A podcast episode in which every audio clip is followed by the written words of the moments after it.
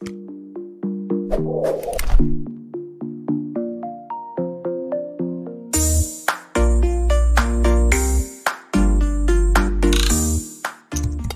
ini didukung oleh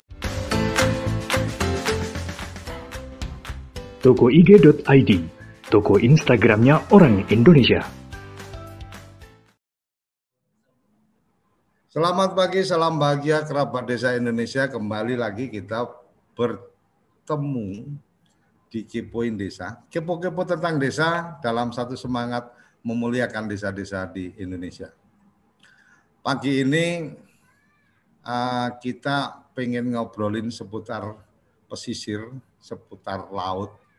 Jadi ada tamu istimewa kita uh, yang care dengan mamalia laut. Nah ini kalau kita mungkin beberapa teman-teman, uh, beberapa kerabat uh, yang di pegunungan mungkin itu lihat mamalia laut ya pas atraksi ada sirkus gitu kan, ada lumba-lumba, si hitam gitu kan kalau dulu ada lagunya itu si hitam dari pulau mana gitu. Kalau nggak salah itu deh. Itu kalau aku nyanyi itu jadi ketahuan umurnya ya. Oke. Okay.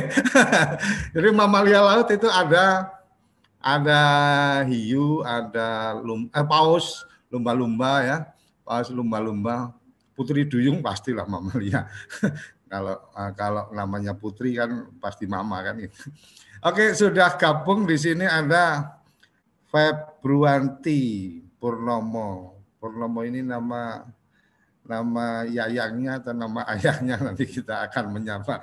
Pagi Feb, apa kabar? Selamat pagi Mas Koco, Alhamdulillah sehat, kabar baik. Ah, ya itu Purnomo itu nama yayangmu apa nama ayahmu? Nama ayah. Oh, nama ayah. Oke, oke. Feb, ngobrol-ngobrol pagi ini aku orang gunung Web aku nggak terlalu paham ikan-ikan tapi apa berita tentang oh ada apa ikan terdampar dan seterusnya apa uh, kemudian uh, ada juga penangkapan-penangkapan ikan yang mungkin beberapa itu dianggap sebagai pelanggaran karena memang ikan-ikan itu dilindungi nggak boleh diburu dan seterusnya gitu kan. Uh, kemudian nemu nih ada artinya ada juga yang kemudian sangat bersahabat nih dengan apa nelayan mama oh lumba-lumba menolong nelayan atau kemudian uh, ketika ada lumba-lumba banyak di situ maka kemudian uh, nelayan nggak perlu pakai apa nggak perlu pakai uh, peralatan elektronik pun ketika lihat lumba-lumba berkerumun oh berarti di situ banyak ikan-ikan tertentu yang mungkin apa uh, dia bisa berbagi artinya ikut mengambil lah. Jadi lumba-lumba ngasih tujuan nih lah aku lagi pesta di sini oke nelayan ikut ke situ ikut pesta kan gitu. Datang tak diundang pulang nggak diantar sama lumba-lumba karena mengganggu lumba-lumba apalagi berpesta. Ah Feb boleh berbagi cerita nih ketertarikan uh, kamu dengan apa setasean setasean apa apa ini bacaannya uh, untuk kemudian care dengan urusan si mamanya Lia di laut itu? Ya, uh, mungkin awal mula saya tertarik dengan cetacean ini atau lumba-lumba dan paus ini sebenarnya sudah dari kecil ya. Jadi saya pernah hmm. nonton satu film kalau nggak salah namanya Flipper judulnya itu tentang uh, lumba-lumba uh, dan apa istilahnya marine biologistnya atau uh, ahli biologi lautnya. Dari situ saya terpikir, ih kayaknya lucu ya, maksudnya bagus untuk uh, bisa uh, jadi seperti di film itu gitu loh. Terus ketika oh. kuliah, hmm. makanya itu salah satu saya masuk kuliah tentang kelautan juga. Uh, ketika kuliah, ketika tugas akhir tuh untuk skripsi sempat bingung nih. Uh, aduh mau skripsi apa ya gitu. Nah terus kamu ambil kuliahnya saya, kuliah apa? Kelautan. Saya ambil kelautan kebetulan di di, di PB. Uh, oh, Kelautan, jurusan okay. kelautan di PB. Uh, eh, pas lagi di perpustakaan itu lihat gambar dugong sebenarnya. Hmm. Lihat gambar dugong, terus kepikir, eh kenapa enggak uh, penelitian mamalia laut ya? Dulu kan pernah bercita-cita pengen pengen jadi seperti itu gitu. Cuman hmm. setelah uh, setelah cari-cari informasi ternyata cukup sulit menemukan dugong Jadi akhirnya saya beralih ke uh, lumba-lumba dan dan paus ini gitu. Jadi itulah uh, skripsi saya tentang lumba-lumba di Lovina. Hmm. Bali dulu yang terkenal memang di Lovina Bali untuk wisata uh, melihat lumba-lumba. Jadi saya pikir itu tempat yang cocok lah untuk melakukan penelitian. Jadi mulai dari situ, dan mulai dari situ saya mulai tertarik uh, untuk lumba-lumba dan kebetulan di IPB sendiri sih di kampus uh, sepertinya saya yang istilahnya yang apa ya, pertama. ya mem, ya yang pertama mahasiswa penelitian tentang lumba-lumba uh, gitu. Alhamdulillah sekarang sudah banyak yang uh, melakukan penelitian tersebut. Jadi Ini itu berarti jadi rujukan ya, adik-adik kelas pada pada ngontak tanya-tanya ya. Alhamdulillah eh? sih. Aku karena enggak kalau urusan skripsi itu untuk yang pertama bikin apa itu terus jadi rujukan kadang-kadang terus akhirnya jadi tempat bertanya. Aku pernah punya iya. pengalaman itu masalahnya. Jadi, oh, gitu. Padahal kita skripsinya juga gak terlalu benar-benar iya. banget. Lanjut, lanjut, lanjut. iya, itu sempat sempat juga sih diledekin sama teman-teman seangkatan hmm. itu uh, dibilangnya penelitiannya mikrodolfin karena uh, apa namanya penelitian lumba-lumba tapi kok lebih banyak di lab di depan mikroskop gitu loh. Nah, hmm. sebenarnya itu karena ada tuntutan di dalam skripsi itu untuk bisa mengetahui hubungan antara si keberadaan si lumba-lumba itu dengan istilah kesuburan perairannya. Jadi makanya suka diledekin mikrodolfin sama teman-teman.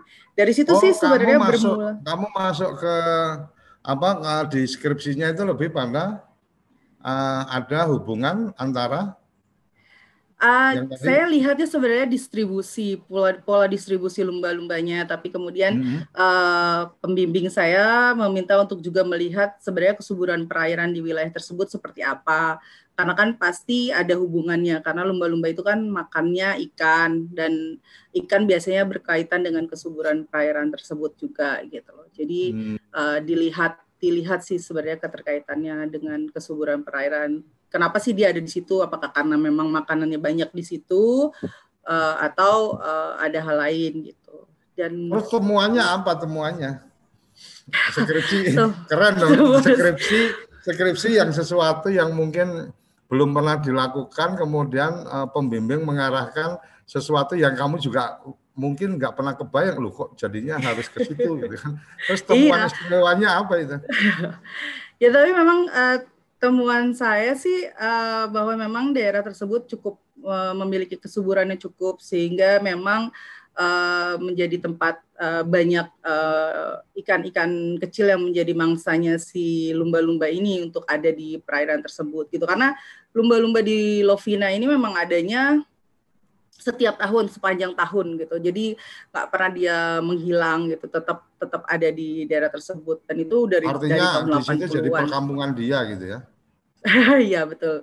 Karena lumba-lumba juga karena, bisa karena kan punya kampung. berarti memang dia hidupnya ada di situ. Kembali lagi ke situ terus untuk untuk mencari makan gitu seperti itu. Hmm. Hmm. Itu, itu yang kemudian uh, kamu me menyimpulkan atau dari situ uh, menunjukkan bahwa lumba-lumba itu sebagai salah satu indikator bahwa di mana dia bisa hidup dengan baik, dengan tenang, sering kembali, maka kualitas laut di situ Pak masih dalam kondisi yang baik.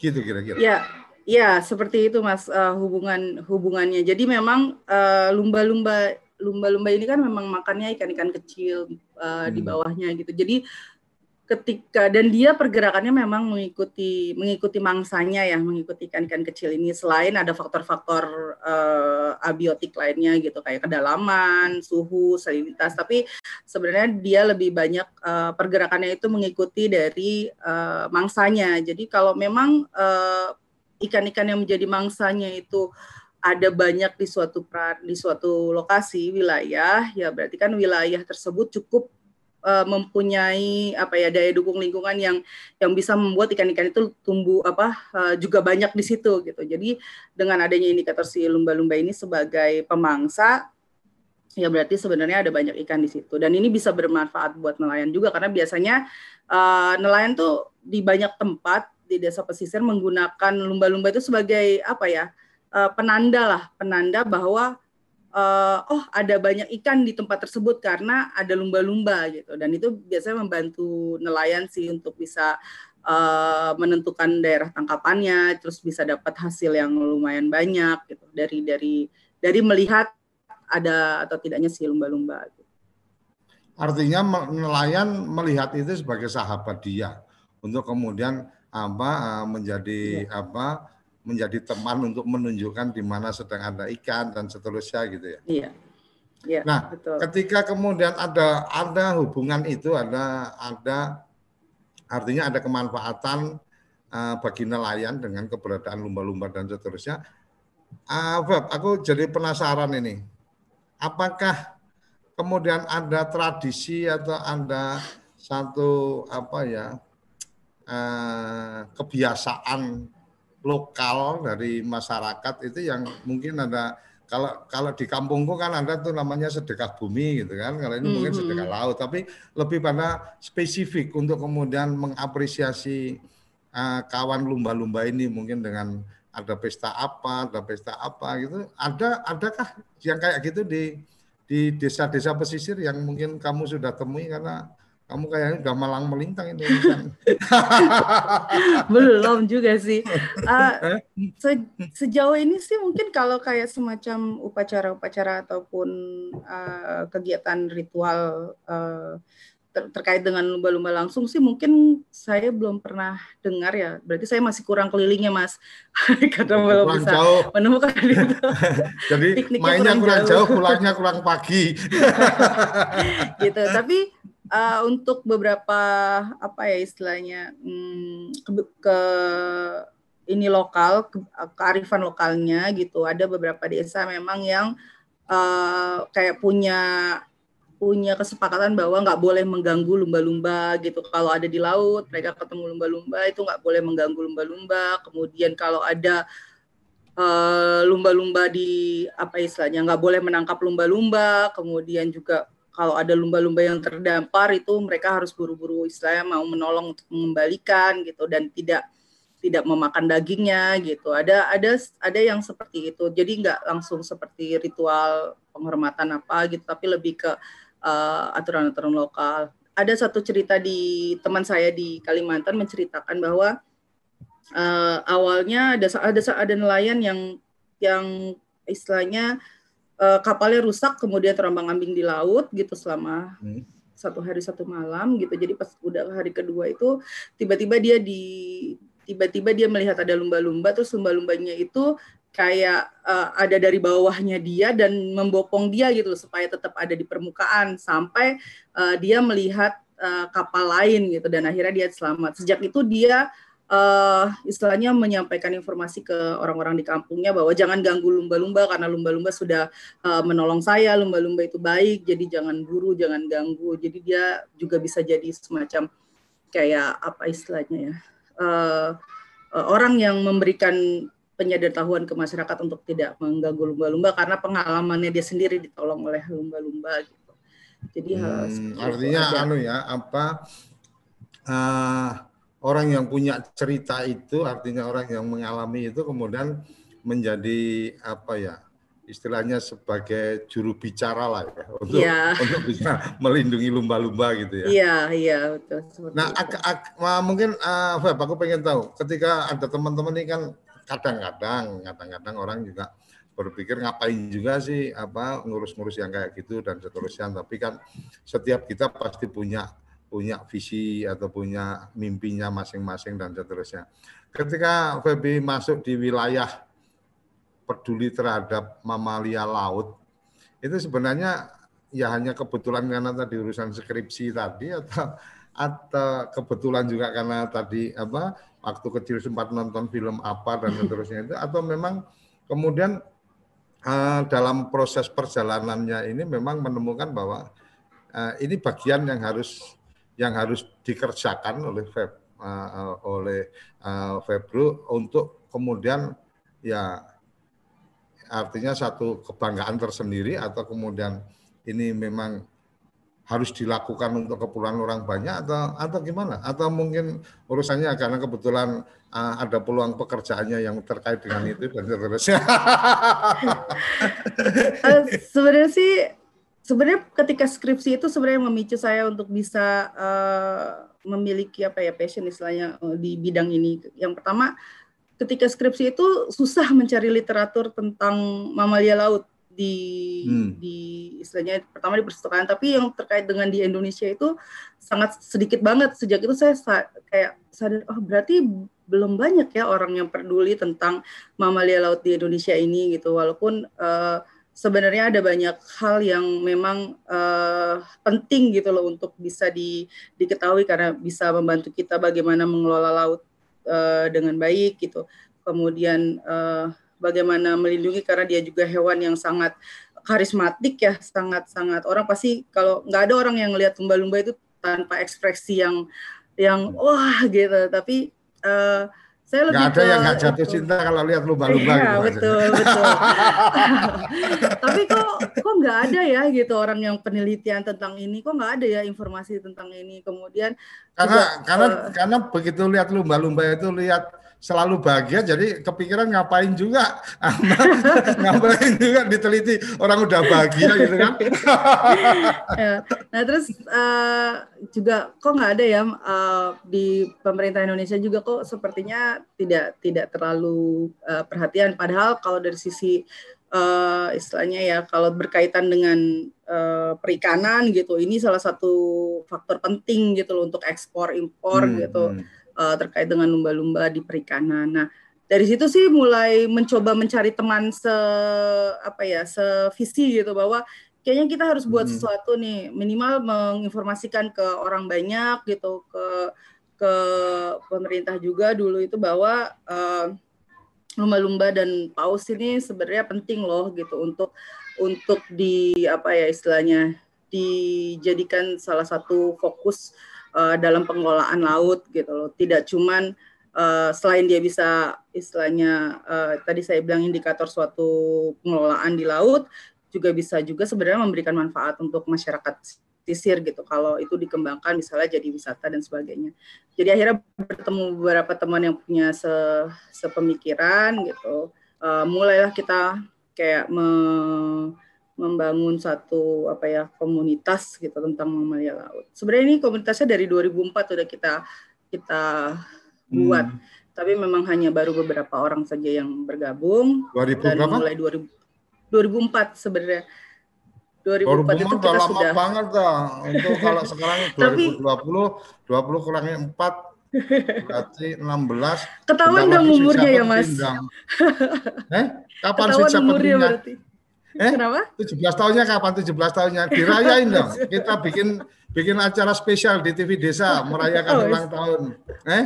Tapi 2004 tahun. itu 2004 itu baru hanya beberapa orang sih. Kita fokus ke lebih ke melihat apa sih yang bisa kita lakukan sebagai individu gitu yang sederhana aja. Kita ngumpulin database informasi tentang kejadian terdampar itu salah satu aksi kita ya mengumpulkan semua informasi tentang kejadian terdampar dari media waktu itu karena kan masih belum banyak ya informasinya. Baru hmm. 2013, baru 2012 lah usaha usaha kita untuk bisa uh, apa ya istilahnya mengangkat ini diperhatikan oleh banyak orang itu mulai membuahkan hasil setelah ada uh, kejadian terdampar. Kalau ingat di Pulau Sabu itu ada sekitar 52 ekor lebih eh, lumba-lumba.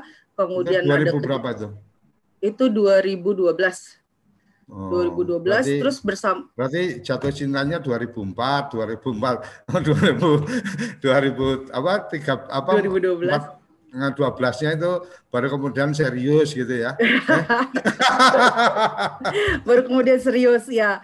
Uh, 2000 nah kejadian terdapat di paus di Tanjung Pakis Kerawang itu juga dua kejadian yang istilahnya mulai mendapat perhatian banyak orang ya karena juga menjadi perhatian internasional jadi pemerintah kemudian mengajak uh, komunitas-komunitas uh, masyarakat yang memang peduli untuk bisa duduk bareng uh, mendiskusikan tentang apa sih yang harus dilakukan kalau ada kejadian terdampak. Terus kenapa ini penting gitu loh untuk masyarakat gitu. Dari dari situ sih mas mulai mulai mendapat perhatian uh, yang mungkin mungkin bisa dibagi cerita. Apa yang kemudian dikerjakan dari 2014 ke sini kemudian Uh, artinya kalau bicara edukasi, edukasinya edukasi apa sih? Kemudian kalau bicara tentang mamalia laut itu mungkin masing-masing uh, punya treatmentnya atau masing-masing punya apa kontennya untuk kemudian diedukasi ke masyarakat.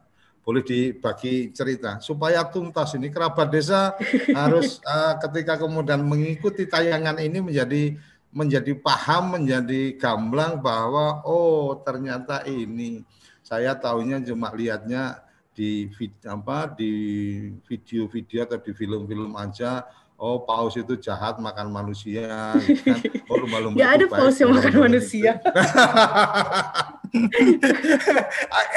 ayo Feb kamu ya.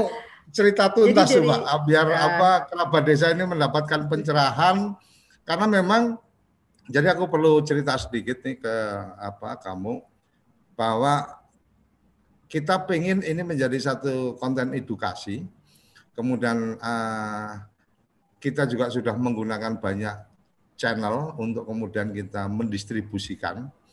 Jadi ada inspirasi menarik kemarin dari salah satu tamu bahwa konten is king, distribution is queen kan gitu. Jadi kalau king sama queennya sudah satu kamar kan urusannya bisa jadi punya putra mahkota kan gitu. Nah, ketika kemudian secara konten kita mencoba untuk ayo teman-teman yang punya ya idealisme atau punya semangat-semangat yang positif itu kita ajak kita berikan kesempatan untuk berbagi cerita di samping memang kita butuh. Kemudian secara distribusi alhamdulillah kita hari ini dengan dua satelit kita. Jadi ya, kita ngobrol ini ada di dua satelit uh, Nusantara satu dan Merah Putih. Juga live di channel YouTube udah pasti. Dan untuk anak-anak muda yang banyak main di luaran cuma pakai apa uh, hobinya mantengin uh, gadgetnya itu Genflix kita ada live-nya. Jadi live hmm. kita ini di Genflix juga oke. Okay. Hmm. Selesai acara ini mungkin butuh waktu maksimal 24 jam. Konten ini juga bisa didengar di podcast. Jadi ini akan luar biasa. Jadi kamu maksimalkan coba berbagi ceritanya supaya ketika orang mungkin podcastan dengerin ngobrol obrolannya kepoin pagi ini, oh ini jadi tahu banyak hal tentang mamalia laut. Silakan Web. Ya. Waktu buat kamu penuh. Terima kasih waktunya Mas. Uh, jadi sejak 2012 sejak uh, ada kejadian terdampar itu kita bersama dengan pemerintah sih uh, uh, duduk bareng untuk membicarakan sebenarnya Indonesia itu belum pernah ada punya kapasitas untuk menangani kejadian uh, terdampar ya mamalia laut. Uh, dan ini bisa jadi kayak entry point kita, pintu masuk kita untuk bisa mengedukasi uh, masyarakat maupun uh, para pemangku kepentingan lainnya tentang mamalia laut itu sendiri, kenapa mamalia laut itu penting dan kenapa juga uh, menangani kejadian itu penting. Jadi kita duduk bareng bikin yang namanya uh, panduan penyelamatan mamalia laut terdampar. Uh, bagaimana sih uh, uh, untuk menangani mamalia laut terdampar ini? Kemudian Eh, kita juga bikin uh, dengan pemerintah itu pemerintah membuat satu kayak kelompok kerja tentang uh, mamalia laut terdampar ini. Nah dari situ kemudian kita karena dari 2004 kita sudah mengumpulkan database saya dan uh, beberapa teman ada Mbak Ica, ada Adit, uh, ini sudah mengumpulkan database. Akhirnya terpikir untuk uh, gimana kalau database ini kalau kita simpan sendiri kan nggak berguna nih, maksudnya hanya ya. berguna buat kita Gimana hmm. caranya supaya ini bisa diketahui oleh orang banyak, kemudian bisa hmm. digunakan oleh orang banyak yang membutuhkan karena kita merasakan sendiri susahnya mencari data. Nah, akhirnya uh, eh, 2013 itu saya, Mbak Ica, kemudian uh, ada tiga orang teman lagi itu ikut pelatihan tentang penanganan mamalia terdampar di Filipina. Jadi kita oh. uh, ikut pelatihan tersebut. Nah, di situ uh, kita menginformasikan bahwa uh, kita punya yang namanya website database. Jadi kita hmm. pindahkan database off offline itu ke dalam uh, website database online. Uh, kita pindahkan ke situ dengan tujuan sebenarnya supaya menjadi kayak transparansi ke publik bahwa ada data loh tentang kejadian mamalia lo terdampar ini. Itu bagian salah satu sebenarnya bagian dari edukasi kita ke masyarakat dan pemerintah. Siapa saja boleh pakai dong, data alamatnya ini. dong uh, di wellstrandingindonesia.com. Wellstranding. Ya, wellstrandingindonesia.com itu jadi satu semua uh, tulisannya, hmm. jadi nggak terpisah. Wellstrandingindonesia.com itu database yang kita kumpulkan. Uh, sekarang tuh sekitar 500 lebih data data tentang kejadian terdampar di Indonesia. Memang belum belum semua data yang kita punya kita uh, upload di database karena memang ini kegiatannya adalah bentuknya kan uh, apa ya istilahnya volunteer ya. Jadi memang data uh, wellstrandingindonesia.com ini dikelola oleh oleh komunitas dari berbagai organisasi. Jadi tapi yang bertanggung jawab untuk database-nya sebenarnya saya dan Adit untuk bisa uh, mengkompil semua database yang ada. Jadi hmm. uh, itu kita buat itu database dan uh, awalnya memang 2013 itu baru nggak banyak lah. Akhirnya kita kerjasama dengan Kementerian Kelautan dan Perikanan itu uh, untuk bisa mengedukasi para pemangku kepentingan bagaimana melakukan penanganan kejadian terdampar. Karena setelah kita dapat pelatihan dari Filipina, uh, kita mau menularkan ilmu nih, nggak cuma kita doang yang bisa, karena kita melihat Indonesia tuh luas. Uh, hmm. dan nggak semua hal bisa ditangani oleh pemerintah pusat. Jadi mau nggak mau kita harus membuat yang namanya jejaring, jejaring di tingkat daerah lah untuk bisa uh, menangani kejadian terdampar. Karena kalau melihat dari kejadian terdampar ini sendiri, uh, bukan karena Indonesia itu uh, tidak pernah ada kejadian terdampar, tapi kalau dibandingkan dengan negara lain, Indonesia tuh luas banget. Jadi informasinya itu kan kadang tidak sampai gitu ke pusat atau tidak sampai. Jadi kalau dilihat kejadian terdampar baru 500 sekian.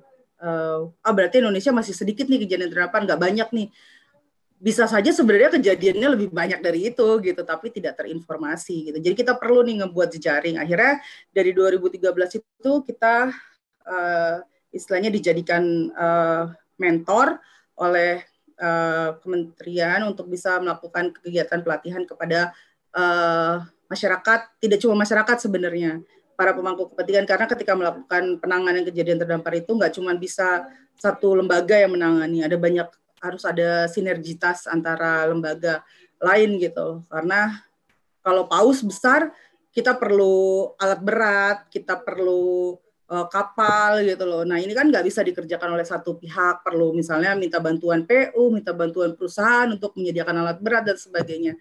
Jadi ketika pelatihan artinya, kita artinya ada guidance yang kemudian kamu share di situ. Ya, bagaimana ya, ya. ada ini kamu bisa berhubungan hmm. dengan institusi ini, ya, institusi betul. ini dan seterusnya gitu. Ya. Jadi selain guidance yang kita dibuat oleh kementerian tentang panduan, hmm. kita juga mengajarkan bagaimana sih ketika ada kejadian terdampar yang harus dilakukan karena tetap harus ada tindakan-tindakan nih yang dilakukan. Nah, itu yang kita ajarkan ke masyarakat, kelompok pengawas masyarakat, kemudian ke bahkan ke anggota uh, eh, TNI, Polri dan uh, instansi terkait lainnya di pemerintahan.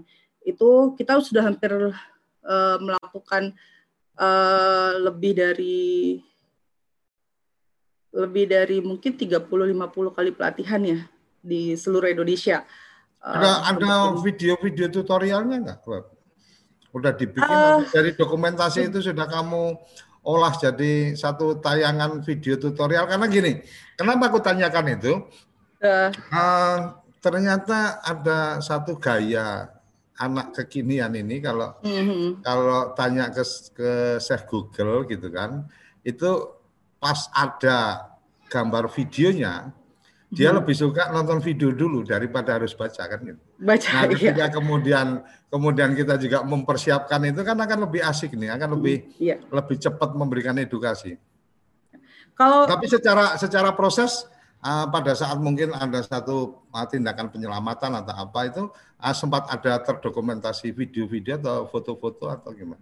Ada banyak sih foto-foto, uh, ada banyak hmm. foto-foto hmm. dan kita juga ada ada kayak uh, ketika pelatihan kan ya ada gambar-gambar yang benar bagaimana sih melakukannya gitu loh. Tapi untuk hmm. video memang kita sendiri belum buat tapi uh, panduan yang kita buat itu waktu itu pakai uh, semacam poster dan juga kayak semacam apa ya istilahnya bukan buku saku sih sesuatu yang waterproof yang bisa dibawa ke mana-mana dan itu sudah diadop oleh project lain dibuatkan dalam bentuk uh, video video apa istilahnya grafis ya video, grafisnya uh, dibuat dibuatkan oleh project lain gitu sebenarnya mereka udah ada hmm. mengadopsi dari apa yang kita sudah uh, buat tapi buat kita sendiri memang uh, belum sempat buat uh, video tutorialnya gitu. Hmm. Nah dari situ udah banyak. Nah kemudian uh, kenapa kita jadi penting untuk uh, istilahnya peduli dengan mamalia laut ini? Karena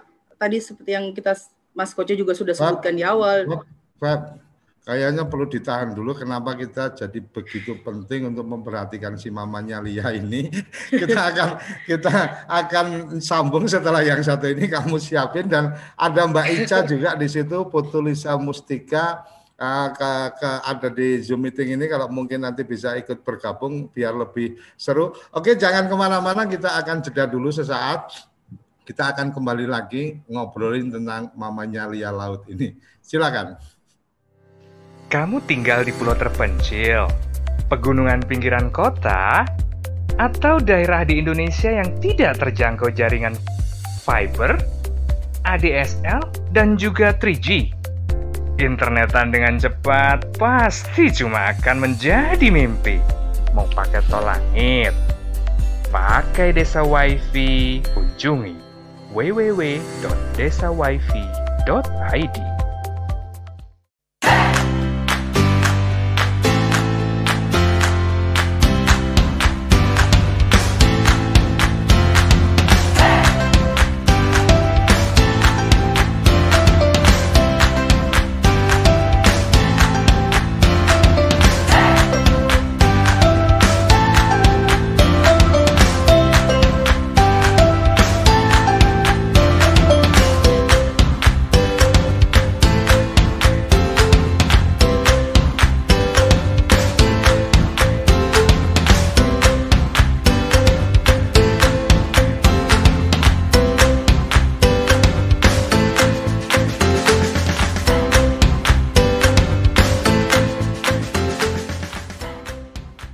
toko IG.id, toko Instagramnya orang Indonesia.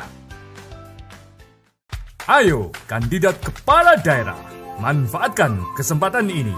TV Desa mengundang Anda bicara desa. 5 menit bisa. Bicara Desa. Sebuah program tayangan monolog, konsep membangun dari desa. Dari kandidat untuk masyarakat. 5 menit bisa. Bicara Desa hanya di TV Desa.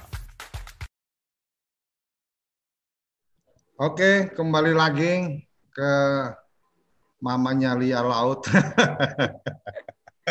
Jadi aku aku aku yang yang tertarik tadi apa pesannya pesan si kamu tadi untuk lumba-lumba bukan ikan ya Oke, okay, lumba lima itu mamanya Lia, mama mamanya si Lia. Oke, oke, uh, kita lanjut lagi. Uh, Mbak Ica kalau mungkin bisa gabung akan uh, semakin seru ini di sesi kedua ini.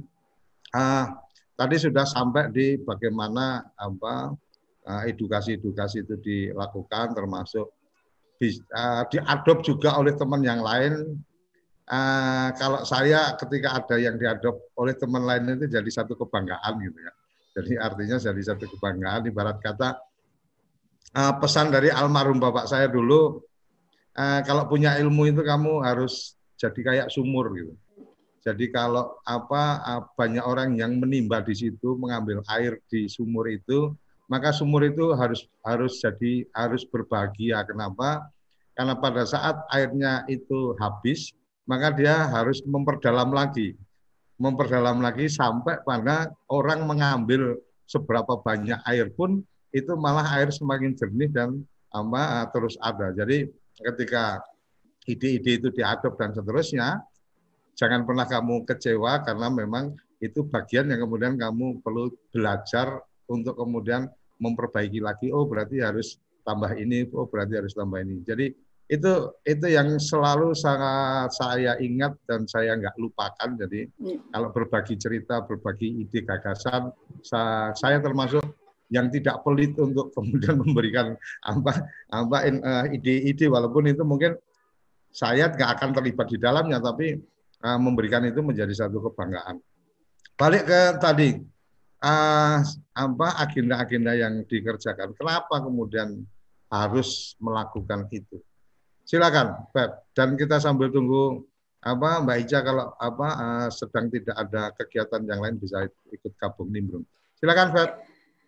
Ya, uh, kenapa tadi kita, saya sampaikan juga bahwa kenapa ini jadi penting gitu loh buat kita untuk bisa uh, mengetahui tentang mamalia laut, bagaimana dia hidup, kemudian bagaimana kita bisa istilahnya mendapatkan manfaat dari adanya mereka di di laut kita gitu loh.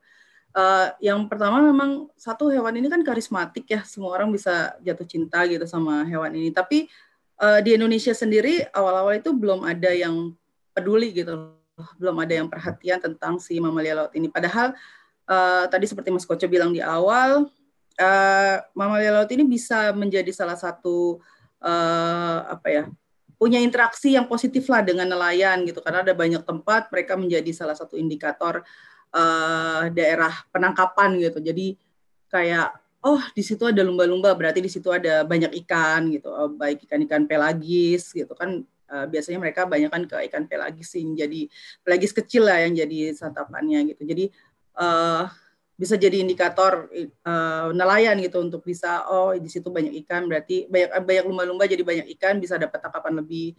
Yang kedua sebenarnya di beberapa tempat kalau memang dia uh, adalah presiden istilahnya apa kampungnya di situ kalau tadi kata Mas hmm. Koco kampungnya di situ seperti Lovina itu bisa menda bisa mendat bisa mendatangkan uh, mata pencaharian lain gitu loh buat masyarakat kalau itu dikembangkan hmm. menjadi wisata gitu seperti yang sekarang baru berkembang juga di mana di Kiluan gitu kan di Kiluan Lampung itu desa Kiluan Lampung di situ juga mulai dikembangkan wisata uh, lumba-lumba gitu dan itu dari hasil kebetulan setasi Mbak Ica leading ininya uh, penelitinya kita melakukan penelitian di situ dan memang bisa menambah pendapatan buat masyarakat pesisir kalau memang itu dikelola dengan berkelanjutan. Jadi ada manfaat lain selain tadi juga manfaat secara uh, lingkungan ya bahwa dia bisa menjadi salah satu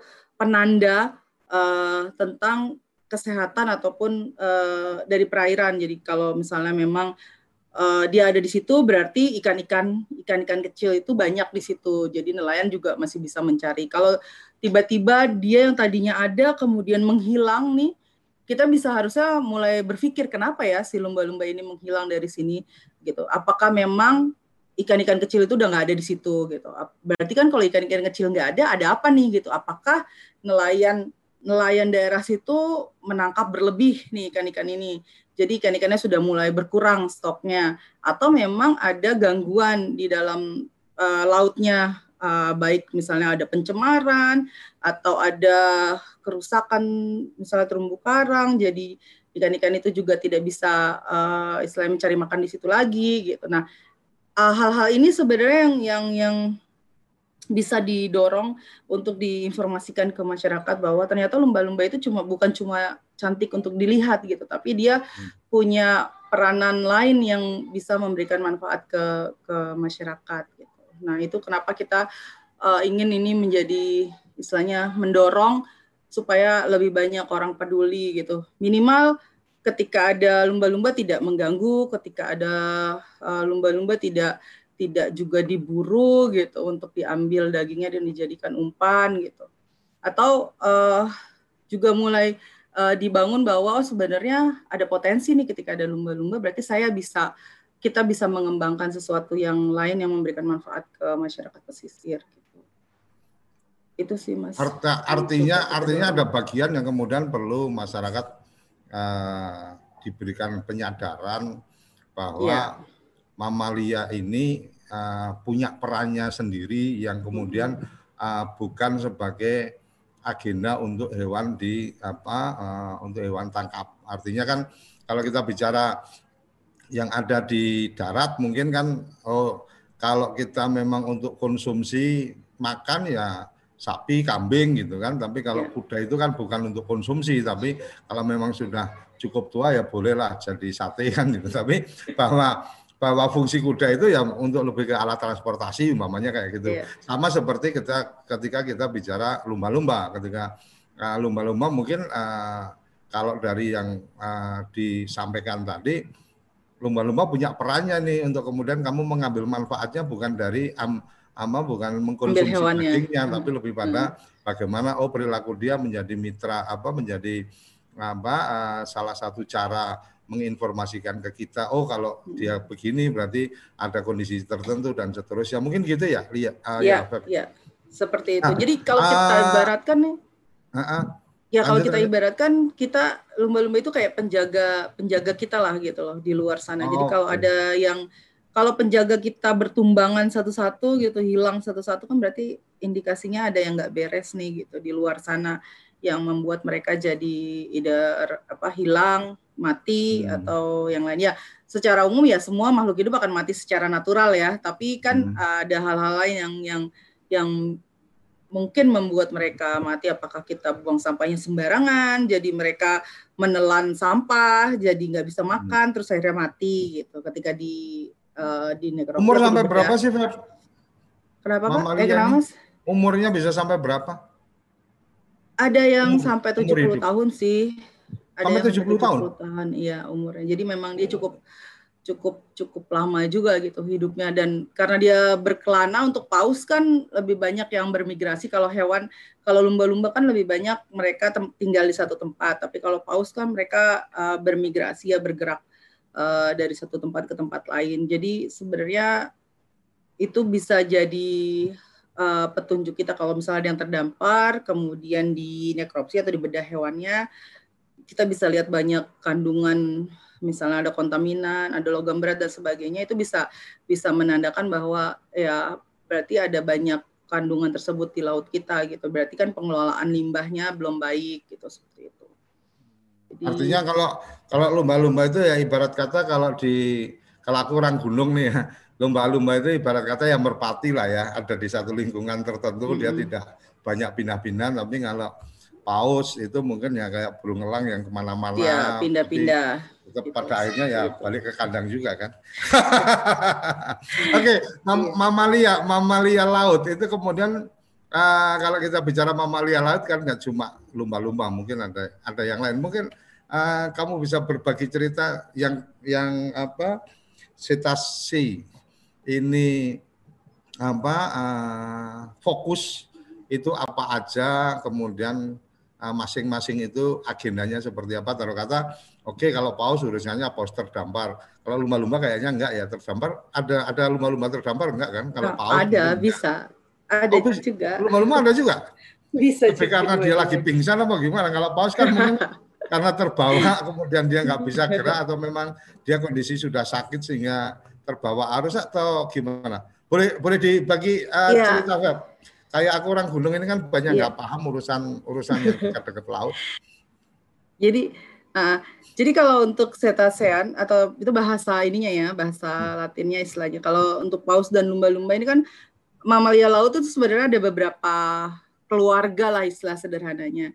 Cuman hmm. yang ada di Indonesia itu hanya dari keluarga lumba-lumba, paus dan uh, Sirenian. Sirenian itu dugong. Jadi dugong itu terpisah sendiri dengan uh, paus dan lumba-lumba. Tapi dia tetap apa? mamalia laut. Dugong itu duyung. Oh duyung, ya, kamu uh. kamu bilang duyung dong. Kita lebih kenal kalau duyung itu kan langsung kebayang putri dengan rambutnya yang bagus gitu kan. ya, ya tapi bukan putri duyung ya. bukan putri duyung ya. Iya jadi. Oke, okay, uh, berarti ada ya. ada lumba-lumba, ada paus, ada duyung. Ada duyung. Hmm. Itu tiga yang jadi apa yang yang jadi fokus karena memang itu ada di Indonesia. Ya, karena itu memang okay. ada di Indonesia dan dari di Indonesia sendiri sudah diidentifikasi sekitar 35 jenis uh, cetacean dan paus. Mm -hmm. uh, pausnya itu sekitar tujuh jenisan, kemudian mm -hmm. sisanya adalah lumba-lumba. Dan tadi kan Mas Nah, dugong uh, cuma satu jenis. Oh ya, dugong cuma satu jenis dari satu keluarga gitu. Jadi okay uh, cuman di Indonesia cuman ada dugong itu satu dan ini juga termasuk yang sangat-sangat langka untuk ditemuin lebih langka dari lumba-lumba dan paus sebenarnya lebih susah dicari. Sulit ya nyarinya ya. Iya, lebih susah Sulit ketemu si Duyung ini ya karena dia putri jadi mesti Kalau lihat aslinya mah nggak mirip-mirip putri, Mas. Kenapa? Kalau lihat aslinya nggak ada miripnya sama putri. Nggak ada mirip-miripnya sama sekali, makanya aku juga kadang-kadang bingung pas ngomong duyung putri duyung yang kita bayangin gini pas lihat ikan duyung kayak gitu nggak ada cantik-cantiknya gitu. Kayak Oke, ya, oke, eh, lumba-lumba, lumba-lumba tadi kamu udah banyak cerita nih. Kemudian karena mungkin ini kan ada 23 apa jenis ya. Kemudian ada tujuh jenis tadi yang paus ya. Itu Ya. eh, eh, untuk yang paus sendiri apa-apa yang mungkin apa perlu diedukit ke eh, apa? Edukit ke teman-teman gitu. Ya rata-rata kan satu lagi yang paus ini kan sebenarnya memang dia bermigrasi ya, jadi memang eh, bisa aja dia lewat di Indonesia itu mungkin hanya lewat atau memang ada beberapa yang memang eh, musimnya itu dia ada di di perairan Indonesia, tapi mungkin di musim lain dia pindah ke perairan Australia atau perairan eh, di lintang yang lebih tinggi gitu. Jadi eh, eh, untuk paus ini juga karena dia hidupnya juga lama, juga bisa jadi indikator karena luas kan jangkauannya. Nah itu juga eh, dia kalau kalau paus ini karena sangat langka ya, maksudnya eh, makin sedikit jumlahnya ya mau nggak mau kan ketika ada hewan yang apa istilah ketika ada di dalam di dalam lingkungan kita gitu ketika ada yang yang hilang pasti akan mengganggu mengganggu sistem yang sudah ada ya di lingkungan di alam ini gitu. Jadi Hmm. Eh, makanya kita penting untuk untuk bisa eh, menjaga dia dan karena juga dia eh, eksotis ya. Jarang-jarang bisa ketemu orang gitu. Jadi eh, menurutku penting juga. Karena tadi sebenarnya fungsinya hampir sama dengan lumba-lumba yang tadi saya sebutin. Karena dia juga eh, bagian dari top predator Teman- juga Teman-teman sampai me- memantau pergerakan berapa jumlah yang ada, kemudian bergerak di mana kan? Aku lihat kalau kalau di beberapa yang aku sempat lihat kan, umpama nih, oh karena ini hewan dilindungi gitu kan, kemudian mereka dipasang chip atau apa, kemudian bisa terpantau, oh ini sudah nggak bergerak-gerak lagi, jangan-jangan mati juga gitu kan? Ah, oh jumlahnya ada sekian dan seterusnya. Ah, sampai ke wilayah-wilayah itu atau lebih pada apa eh, informasi-informasi yang kemudian nampak di permukaan itu yang kemudian jadi database teman-teman. Kalau untuk yang di Indonesia sendiri sih penelitian tentang distribusi pergerakan paus dan lumba-lumba ini sebenarnya eh, lebih banyak ke kemunculan, ke kemunculan. Jadi ketika survei ada survei kapak kita eh, penelitian lumba-lumba penelitian mamalia laut ini ter- termasuk penelitian yang cukup tergolong mahal ya dan hasilnya itu eh, mungkin dalam artian ketika kita sehari tiga hari di laut belum tentu ketemu itu yang bikin orang kadang putus asa. Jadi nggak banyak sebenarnya penelitian udah mahal hasilnya juga belum tentu eh, bisa dapat hasil langsung saat itu juga. Jadi banyak yang belum eh, apa ya istilahnya belum tertarik ke penelitian itu gitu. Tapi lebih ke kemunculan Nah, Perusahaan-perusahaan nggak, ah, perusahaan-perusahaan yang mungkin bersentuhan dengan laut itu tidak tidak banyak juga yang care untuk agenda banyak, kecuali mungkin perusahaan-perusahaan migas ada karena ada kewajiban mereka menyediakan yang namanya Marine Mammal Observer kalau mereka ada kegiatan uh, uh, seismik gitu. Baru mereka Hmm. harus punya Marine Mammal Observer untuk memastikan tidak ada lumba-lumba dan paus dalam jarak tertentu dari kapal seismiknya mereka, dari kapal yang melakukan survei seismik. Karena itu salah satu peraturan internasional sih uh, yang Oh, memastikan oke, itu oke, oke. Jadi harus ada. ketika akan mereka akan berkegiatan itu ada satu Hmm. syarat bahwa di situ tidak jadi tempat untuk lumba-lumba dan paus. Karena ketika mereka menembakkan airsoft gun itu untuk mencari minyak ya, mencari minyak di, di laut, itu kan Hmm. suaranya bisa jauh ya sampai sekitar sekilo dua kilometer gitu. Jadi dan itu bisa Dan mengganggu lumba-lumba sama paus Eh, dan itu bisa bisa juga mengakibatkan mereka luka dan sebagainya gitu terus kemudian mati. Jadi harus ada marine mammal observer atau eh, orang yang bisa mengidentifikasi ada ada mamalia laut di di ada paus ada lumba-lumba di sekitar itu jadi kegiatan itu bisa di, di istilahnya ditunda sampai sampai di jarak amannya si paus dan lumba-lumba dan itu sudah istilahnya ketentuan internasional untuk menerapkan hal tersebut gitu. Artinya momentum yang kemudian teman-teman bisa mendapatkan kesempatan untuk melakukan observasi dan dibiayai apa di mendapatkan dukungan dari uh, pihak apa pihak di luar organisasi itu pada saat yang momen-momen kayak gitu itu berarti sekaligus apa mendapatkan data untuk Iya. kemudian mereka mereka butuh data, kamu butuh data, mereka kemudian support jadi Iya. ah, apa itu. dompleng manfaatnya di situ ya. Ya Tapi paling kalau ya secara seperti itu kalau itu secara is- spesifik mengajukan untuk pengen membuat ini nggak mungkin.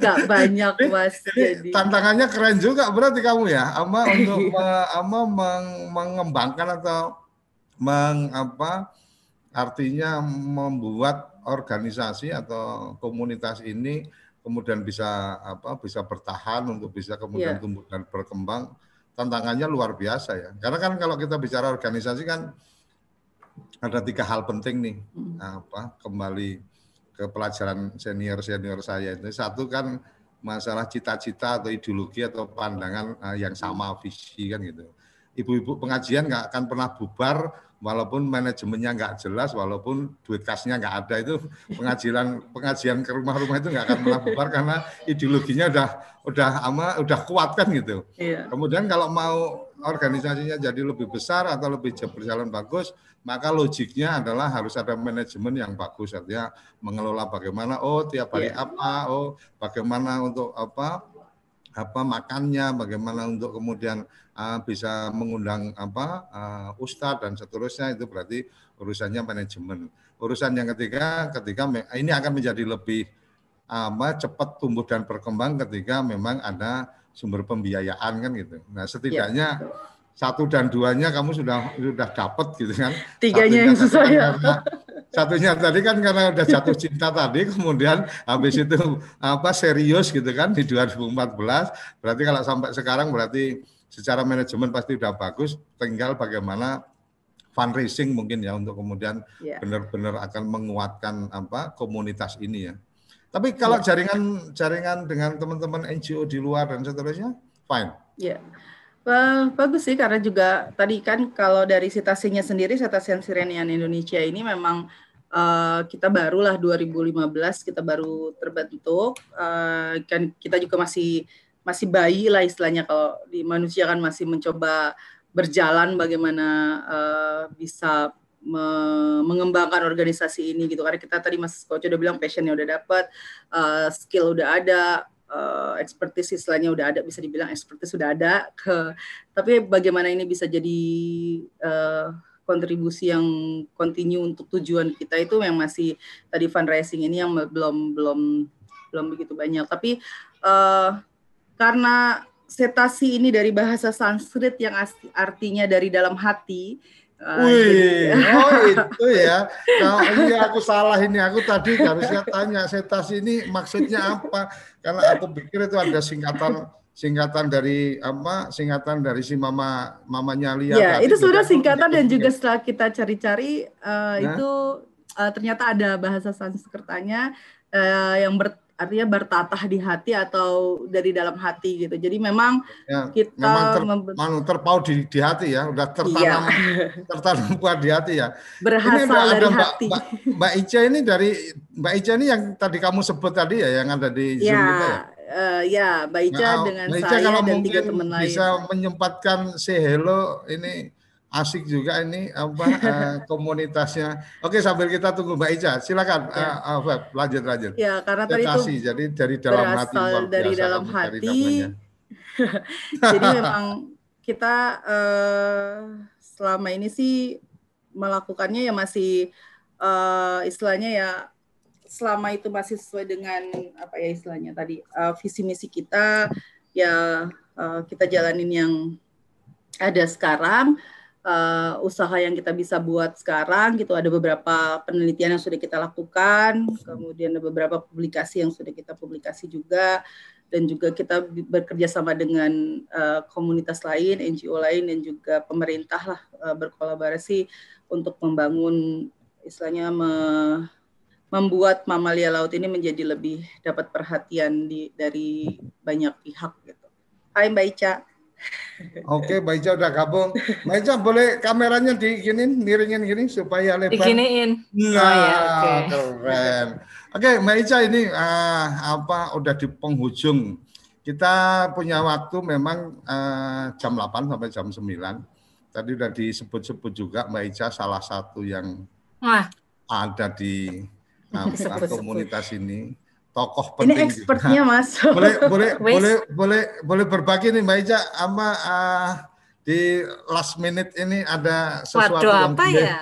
boleh disampaikan supaya kawan apa kerabat desa ini kemudian mendapatkan pencerahan baru tentang bagaimana apa gerakan teman-teman ini di apa dilakukan atau mungkin ada harapan apa sih sebenarnya ke ke teman-teman ke apa teman-teman di pesisir atau masyarakat pesisir hmm. dengan gerakan yang apa uh, teman-teman ini kerjakan. Silakan Mbak Ica. Waduh, saya masalahnya yang tadi diceritakan Mbak Yanti sudah lumayan pepak Mas. Pepak itu bahasa Jawa komplit ya. Jadi mau nambahinnya di bagian mana itu uh, agak susah, tapi pasti uh, ada lah, pasti ada yang ya, harus ditambahkan. Mungkin gini, kalau misalnya Mbak Yanti kan tadi udah cerita dari segi Indonesia Raya ya. Nah, hmm, hmm. mungkin saya cuma nambahin aja bahwa um, teman-teman gitu jadi saya Mbak Yanti dan teman-teman lain gitu banyak yang juga sudah ikut nimbrung di dunia internasional juga dalam artian kami itu berteman dengan hmm teman itu adalah kata yang tepat. Kami hmm. tidak hanya berkolaborasi tapi juga berteman dengan rekan-rekan researcher yang di Asia, Asia hmm. Tenggara, Asia Selatan, Asia Timur dan juga di Australia dan tempat-tempat lain gitu. Kebanyakan sih yang di Asia kita punya kami punya grup kayak WhatsApp chat yang untuk uh, Asian Marine Mammal Scientist gitu. Jadi apa ya, kami kalau misalnya kami ada kesulitan apa, misalnya kesulitan identification gitu ya kami nanya ke mereka. Terus kalau misalnya ada kesulitan tentang kasus FED karena masalah FED itu kan kami juga masih baru belajar ya. Itu ya, hmm. ya FED kami akan nanya ke mereka kayak gitu-gitu. Jadi apa uh, pergerakan kalau bisa boleh dibilang pergerakan untuk yang marine mammal science terutama yang untuk paus sama lumba-lumba di Indonesia itu tidak berdiri sendiri dalam artian tidak lonely gitu. Kita juga punya hmm. banyak support system dari luar. Jadi uh, kami masih belajar identifikasi suka masih kadang-kadang salah harus nanya ke hmm. teman karena kadang-kadang terutama kalau berlin whale ya itu susah sekali kalau cuma dilihatin fotonya punggungnya doang ya susah mau identifikasinya uang belinnya aja pausnya susah sekali untuk terlihat itu jenisnya apa. Yang satu lagi juga uh, kami berhubungan juga tidak hanya spesies tapi juga kayaknya Mbak Yanti juga sudah bilang tentang apa pengelolaan kawasan juga. Jadi kami nggak cuma ngomongin spesies tapi kami ngomong, hmm. membicarakan pengelolaan kawasan. Ada yang namanya kalau bahasa Inggrisnya itu important marine mammal areas. IMA, important marine mammal areas. Jadi enggak jadi kayak kawasan konservasi gitu kayak MPA, Marine Protected hmm. Area, tapi tidak hanya MPA. Jadi banyak di beberapa lokasi di Indonesia sudah dilingkari, sudah didelineasi istilahnya sebagai hmm. important marine mammal area, kawasan yang penting untuk mamalia laut. Dan oh, itu okay. uh, jadi itu secara internasional diakui, jadi kayak uh, kayak IUCN lah gitu, diakui oleh IUCN sebetulnya bahwa hmm. itu adalah kawasan-kawasan penting termasuk tempat yang Mbak Mbak Yanti dulu lakukan riset itu Lovina saya juga sempat riset di sana juga uh, kemudian misalnya di Mbak Yanti juga S2-nya penelitiannya di Mahakam Mahakam Sungai Mahakam itu juga salah satu important areas juga walaupun bukan di laut tapi di sungai. Ada Jadi itu ada sih berapa Mbak? Hmm, important hmm, area ya saya, ini? Itu kalau mau uh, website Oh, yang di website itu ada ya informasinya? Enggak, bukan website website-nya oh. beda lagi website-nya namanya um, Marine Mammal Habitat. Jadi sebentar saya lihat Marine dulu di Mammal Habitat. Marine Mammal.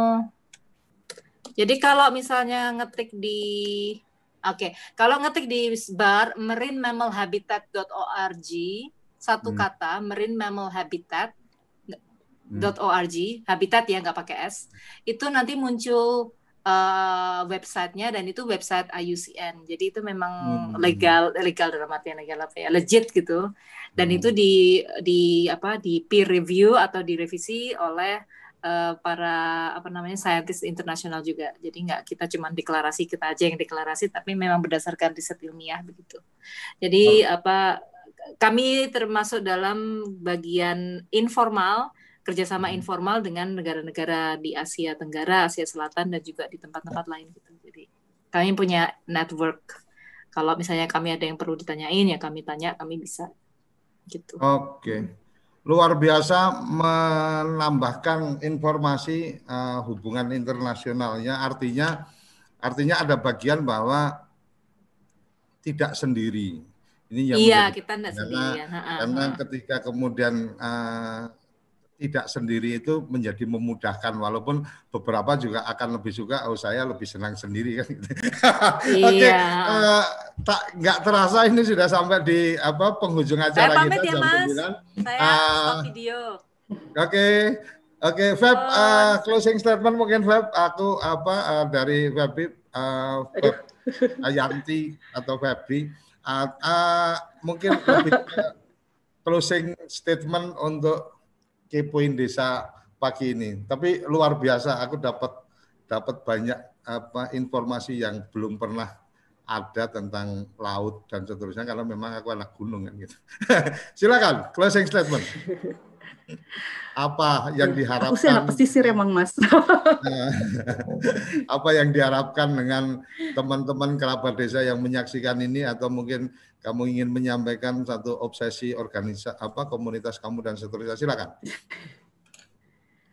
Uh, aku sih uh, melihatnya gini ya, ketika kita punya passion, ketika kita punya uh, suatu minat, kemudian itu memang uh, dari hati, itu ya uh, pasti ada jalan pasti ada hmm. jalan untuk mewujudkan atau kita kita punya mimpi dan passion itu pasti ada jalan untuk mewujudkan uh, mimpi-mimpi uh, kita gitu. Jadi uh, saya bermimpi dulu untuk bisa uh, punya kontribusi uh, lebih bagaimana melihat mamalia laut bisa di, di, diperhatikan oleh orang banyak gitu dan uh, ada aja jalan yang menuntun saya membuka membuka jalan saya untuk menuju uh, mimpi itu. Dan dan sekarang menurut saya itu sudah sudah terwujud dengan banyak dengan mulai pemerintah memper, memberikan perhatian, memberikan uh, support, kemudian dengan NGO-NGO lain juga sudah mulai memberikan uh, usahanya. Itu satu ke apa ya satu kebanggaan, kepuasan sendiri bahwa apa yang dulu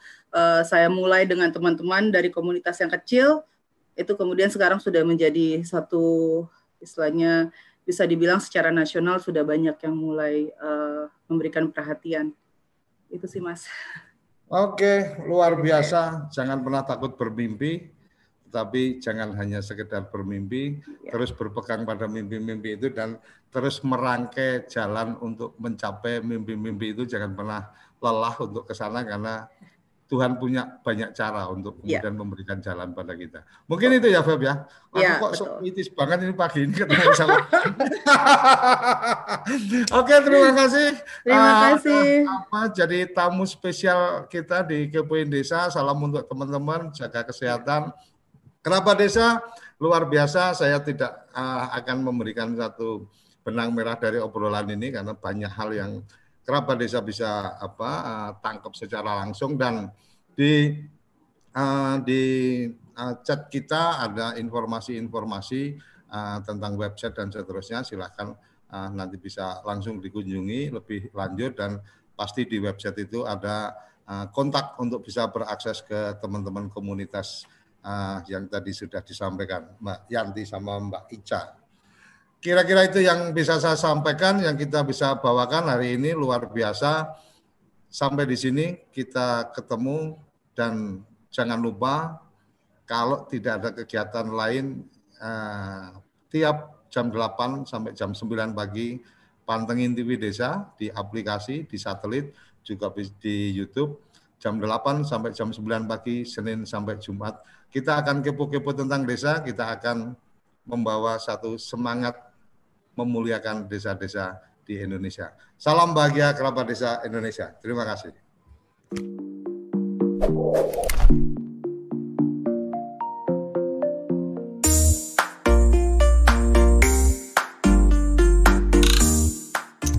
Cara ini didukung oleh Toko IG.id, toko Instagramnya orang Indonesia.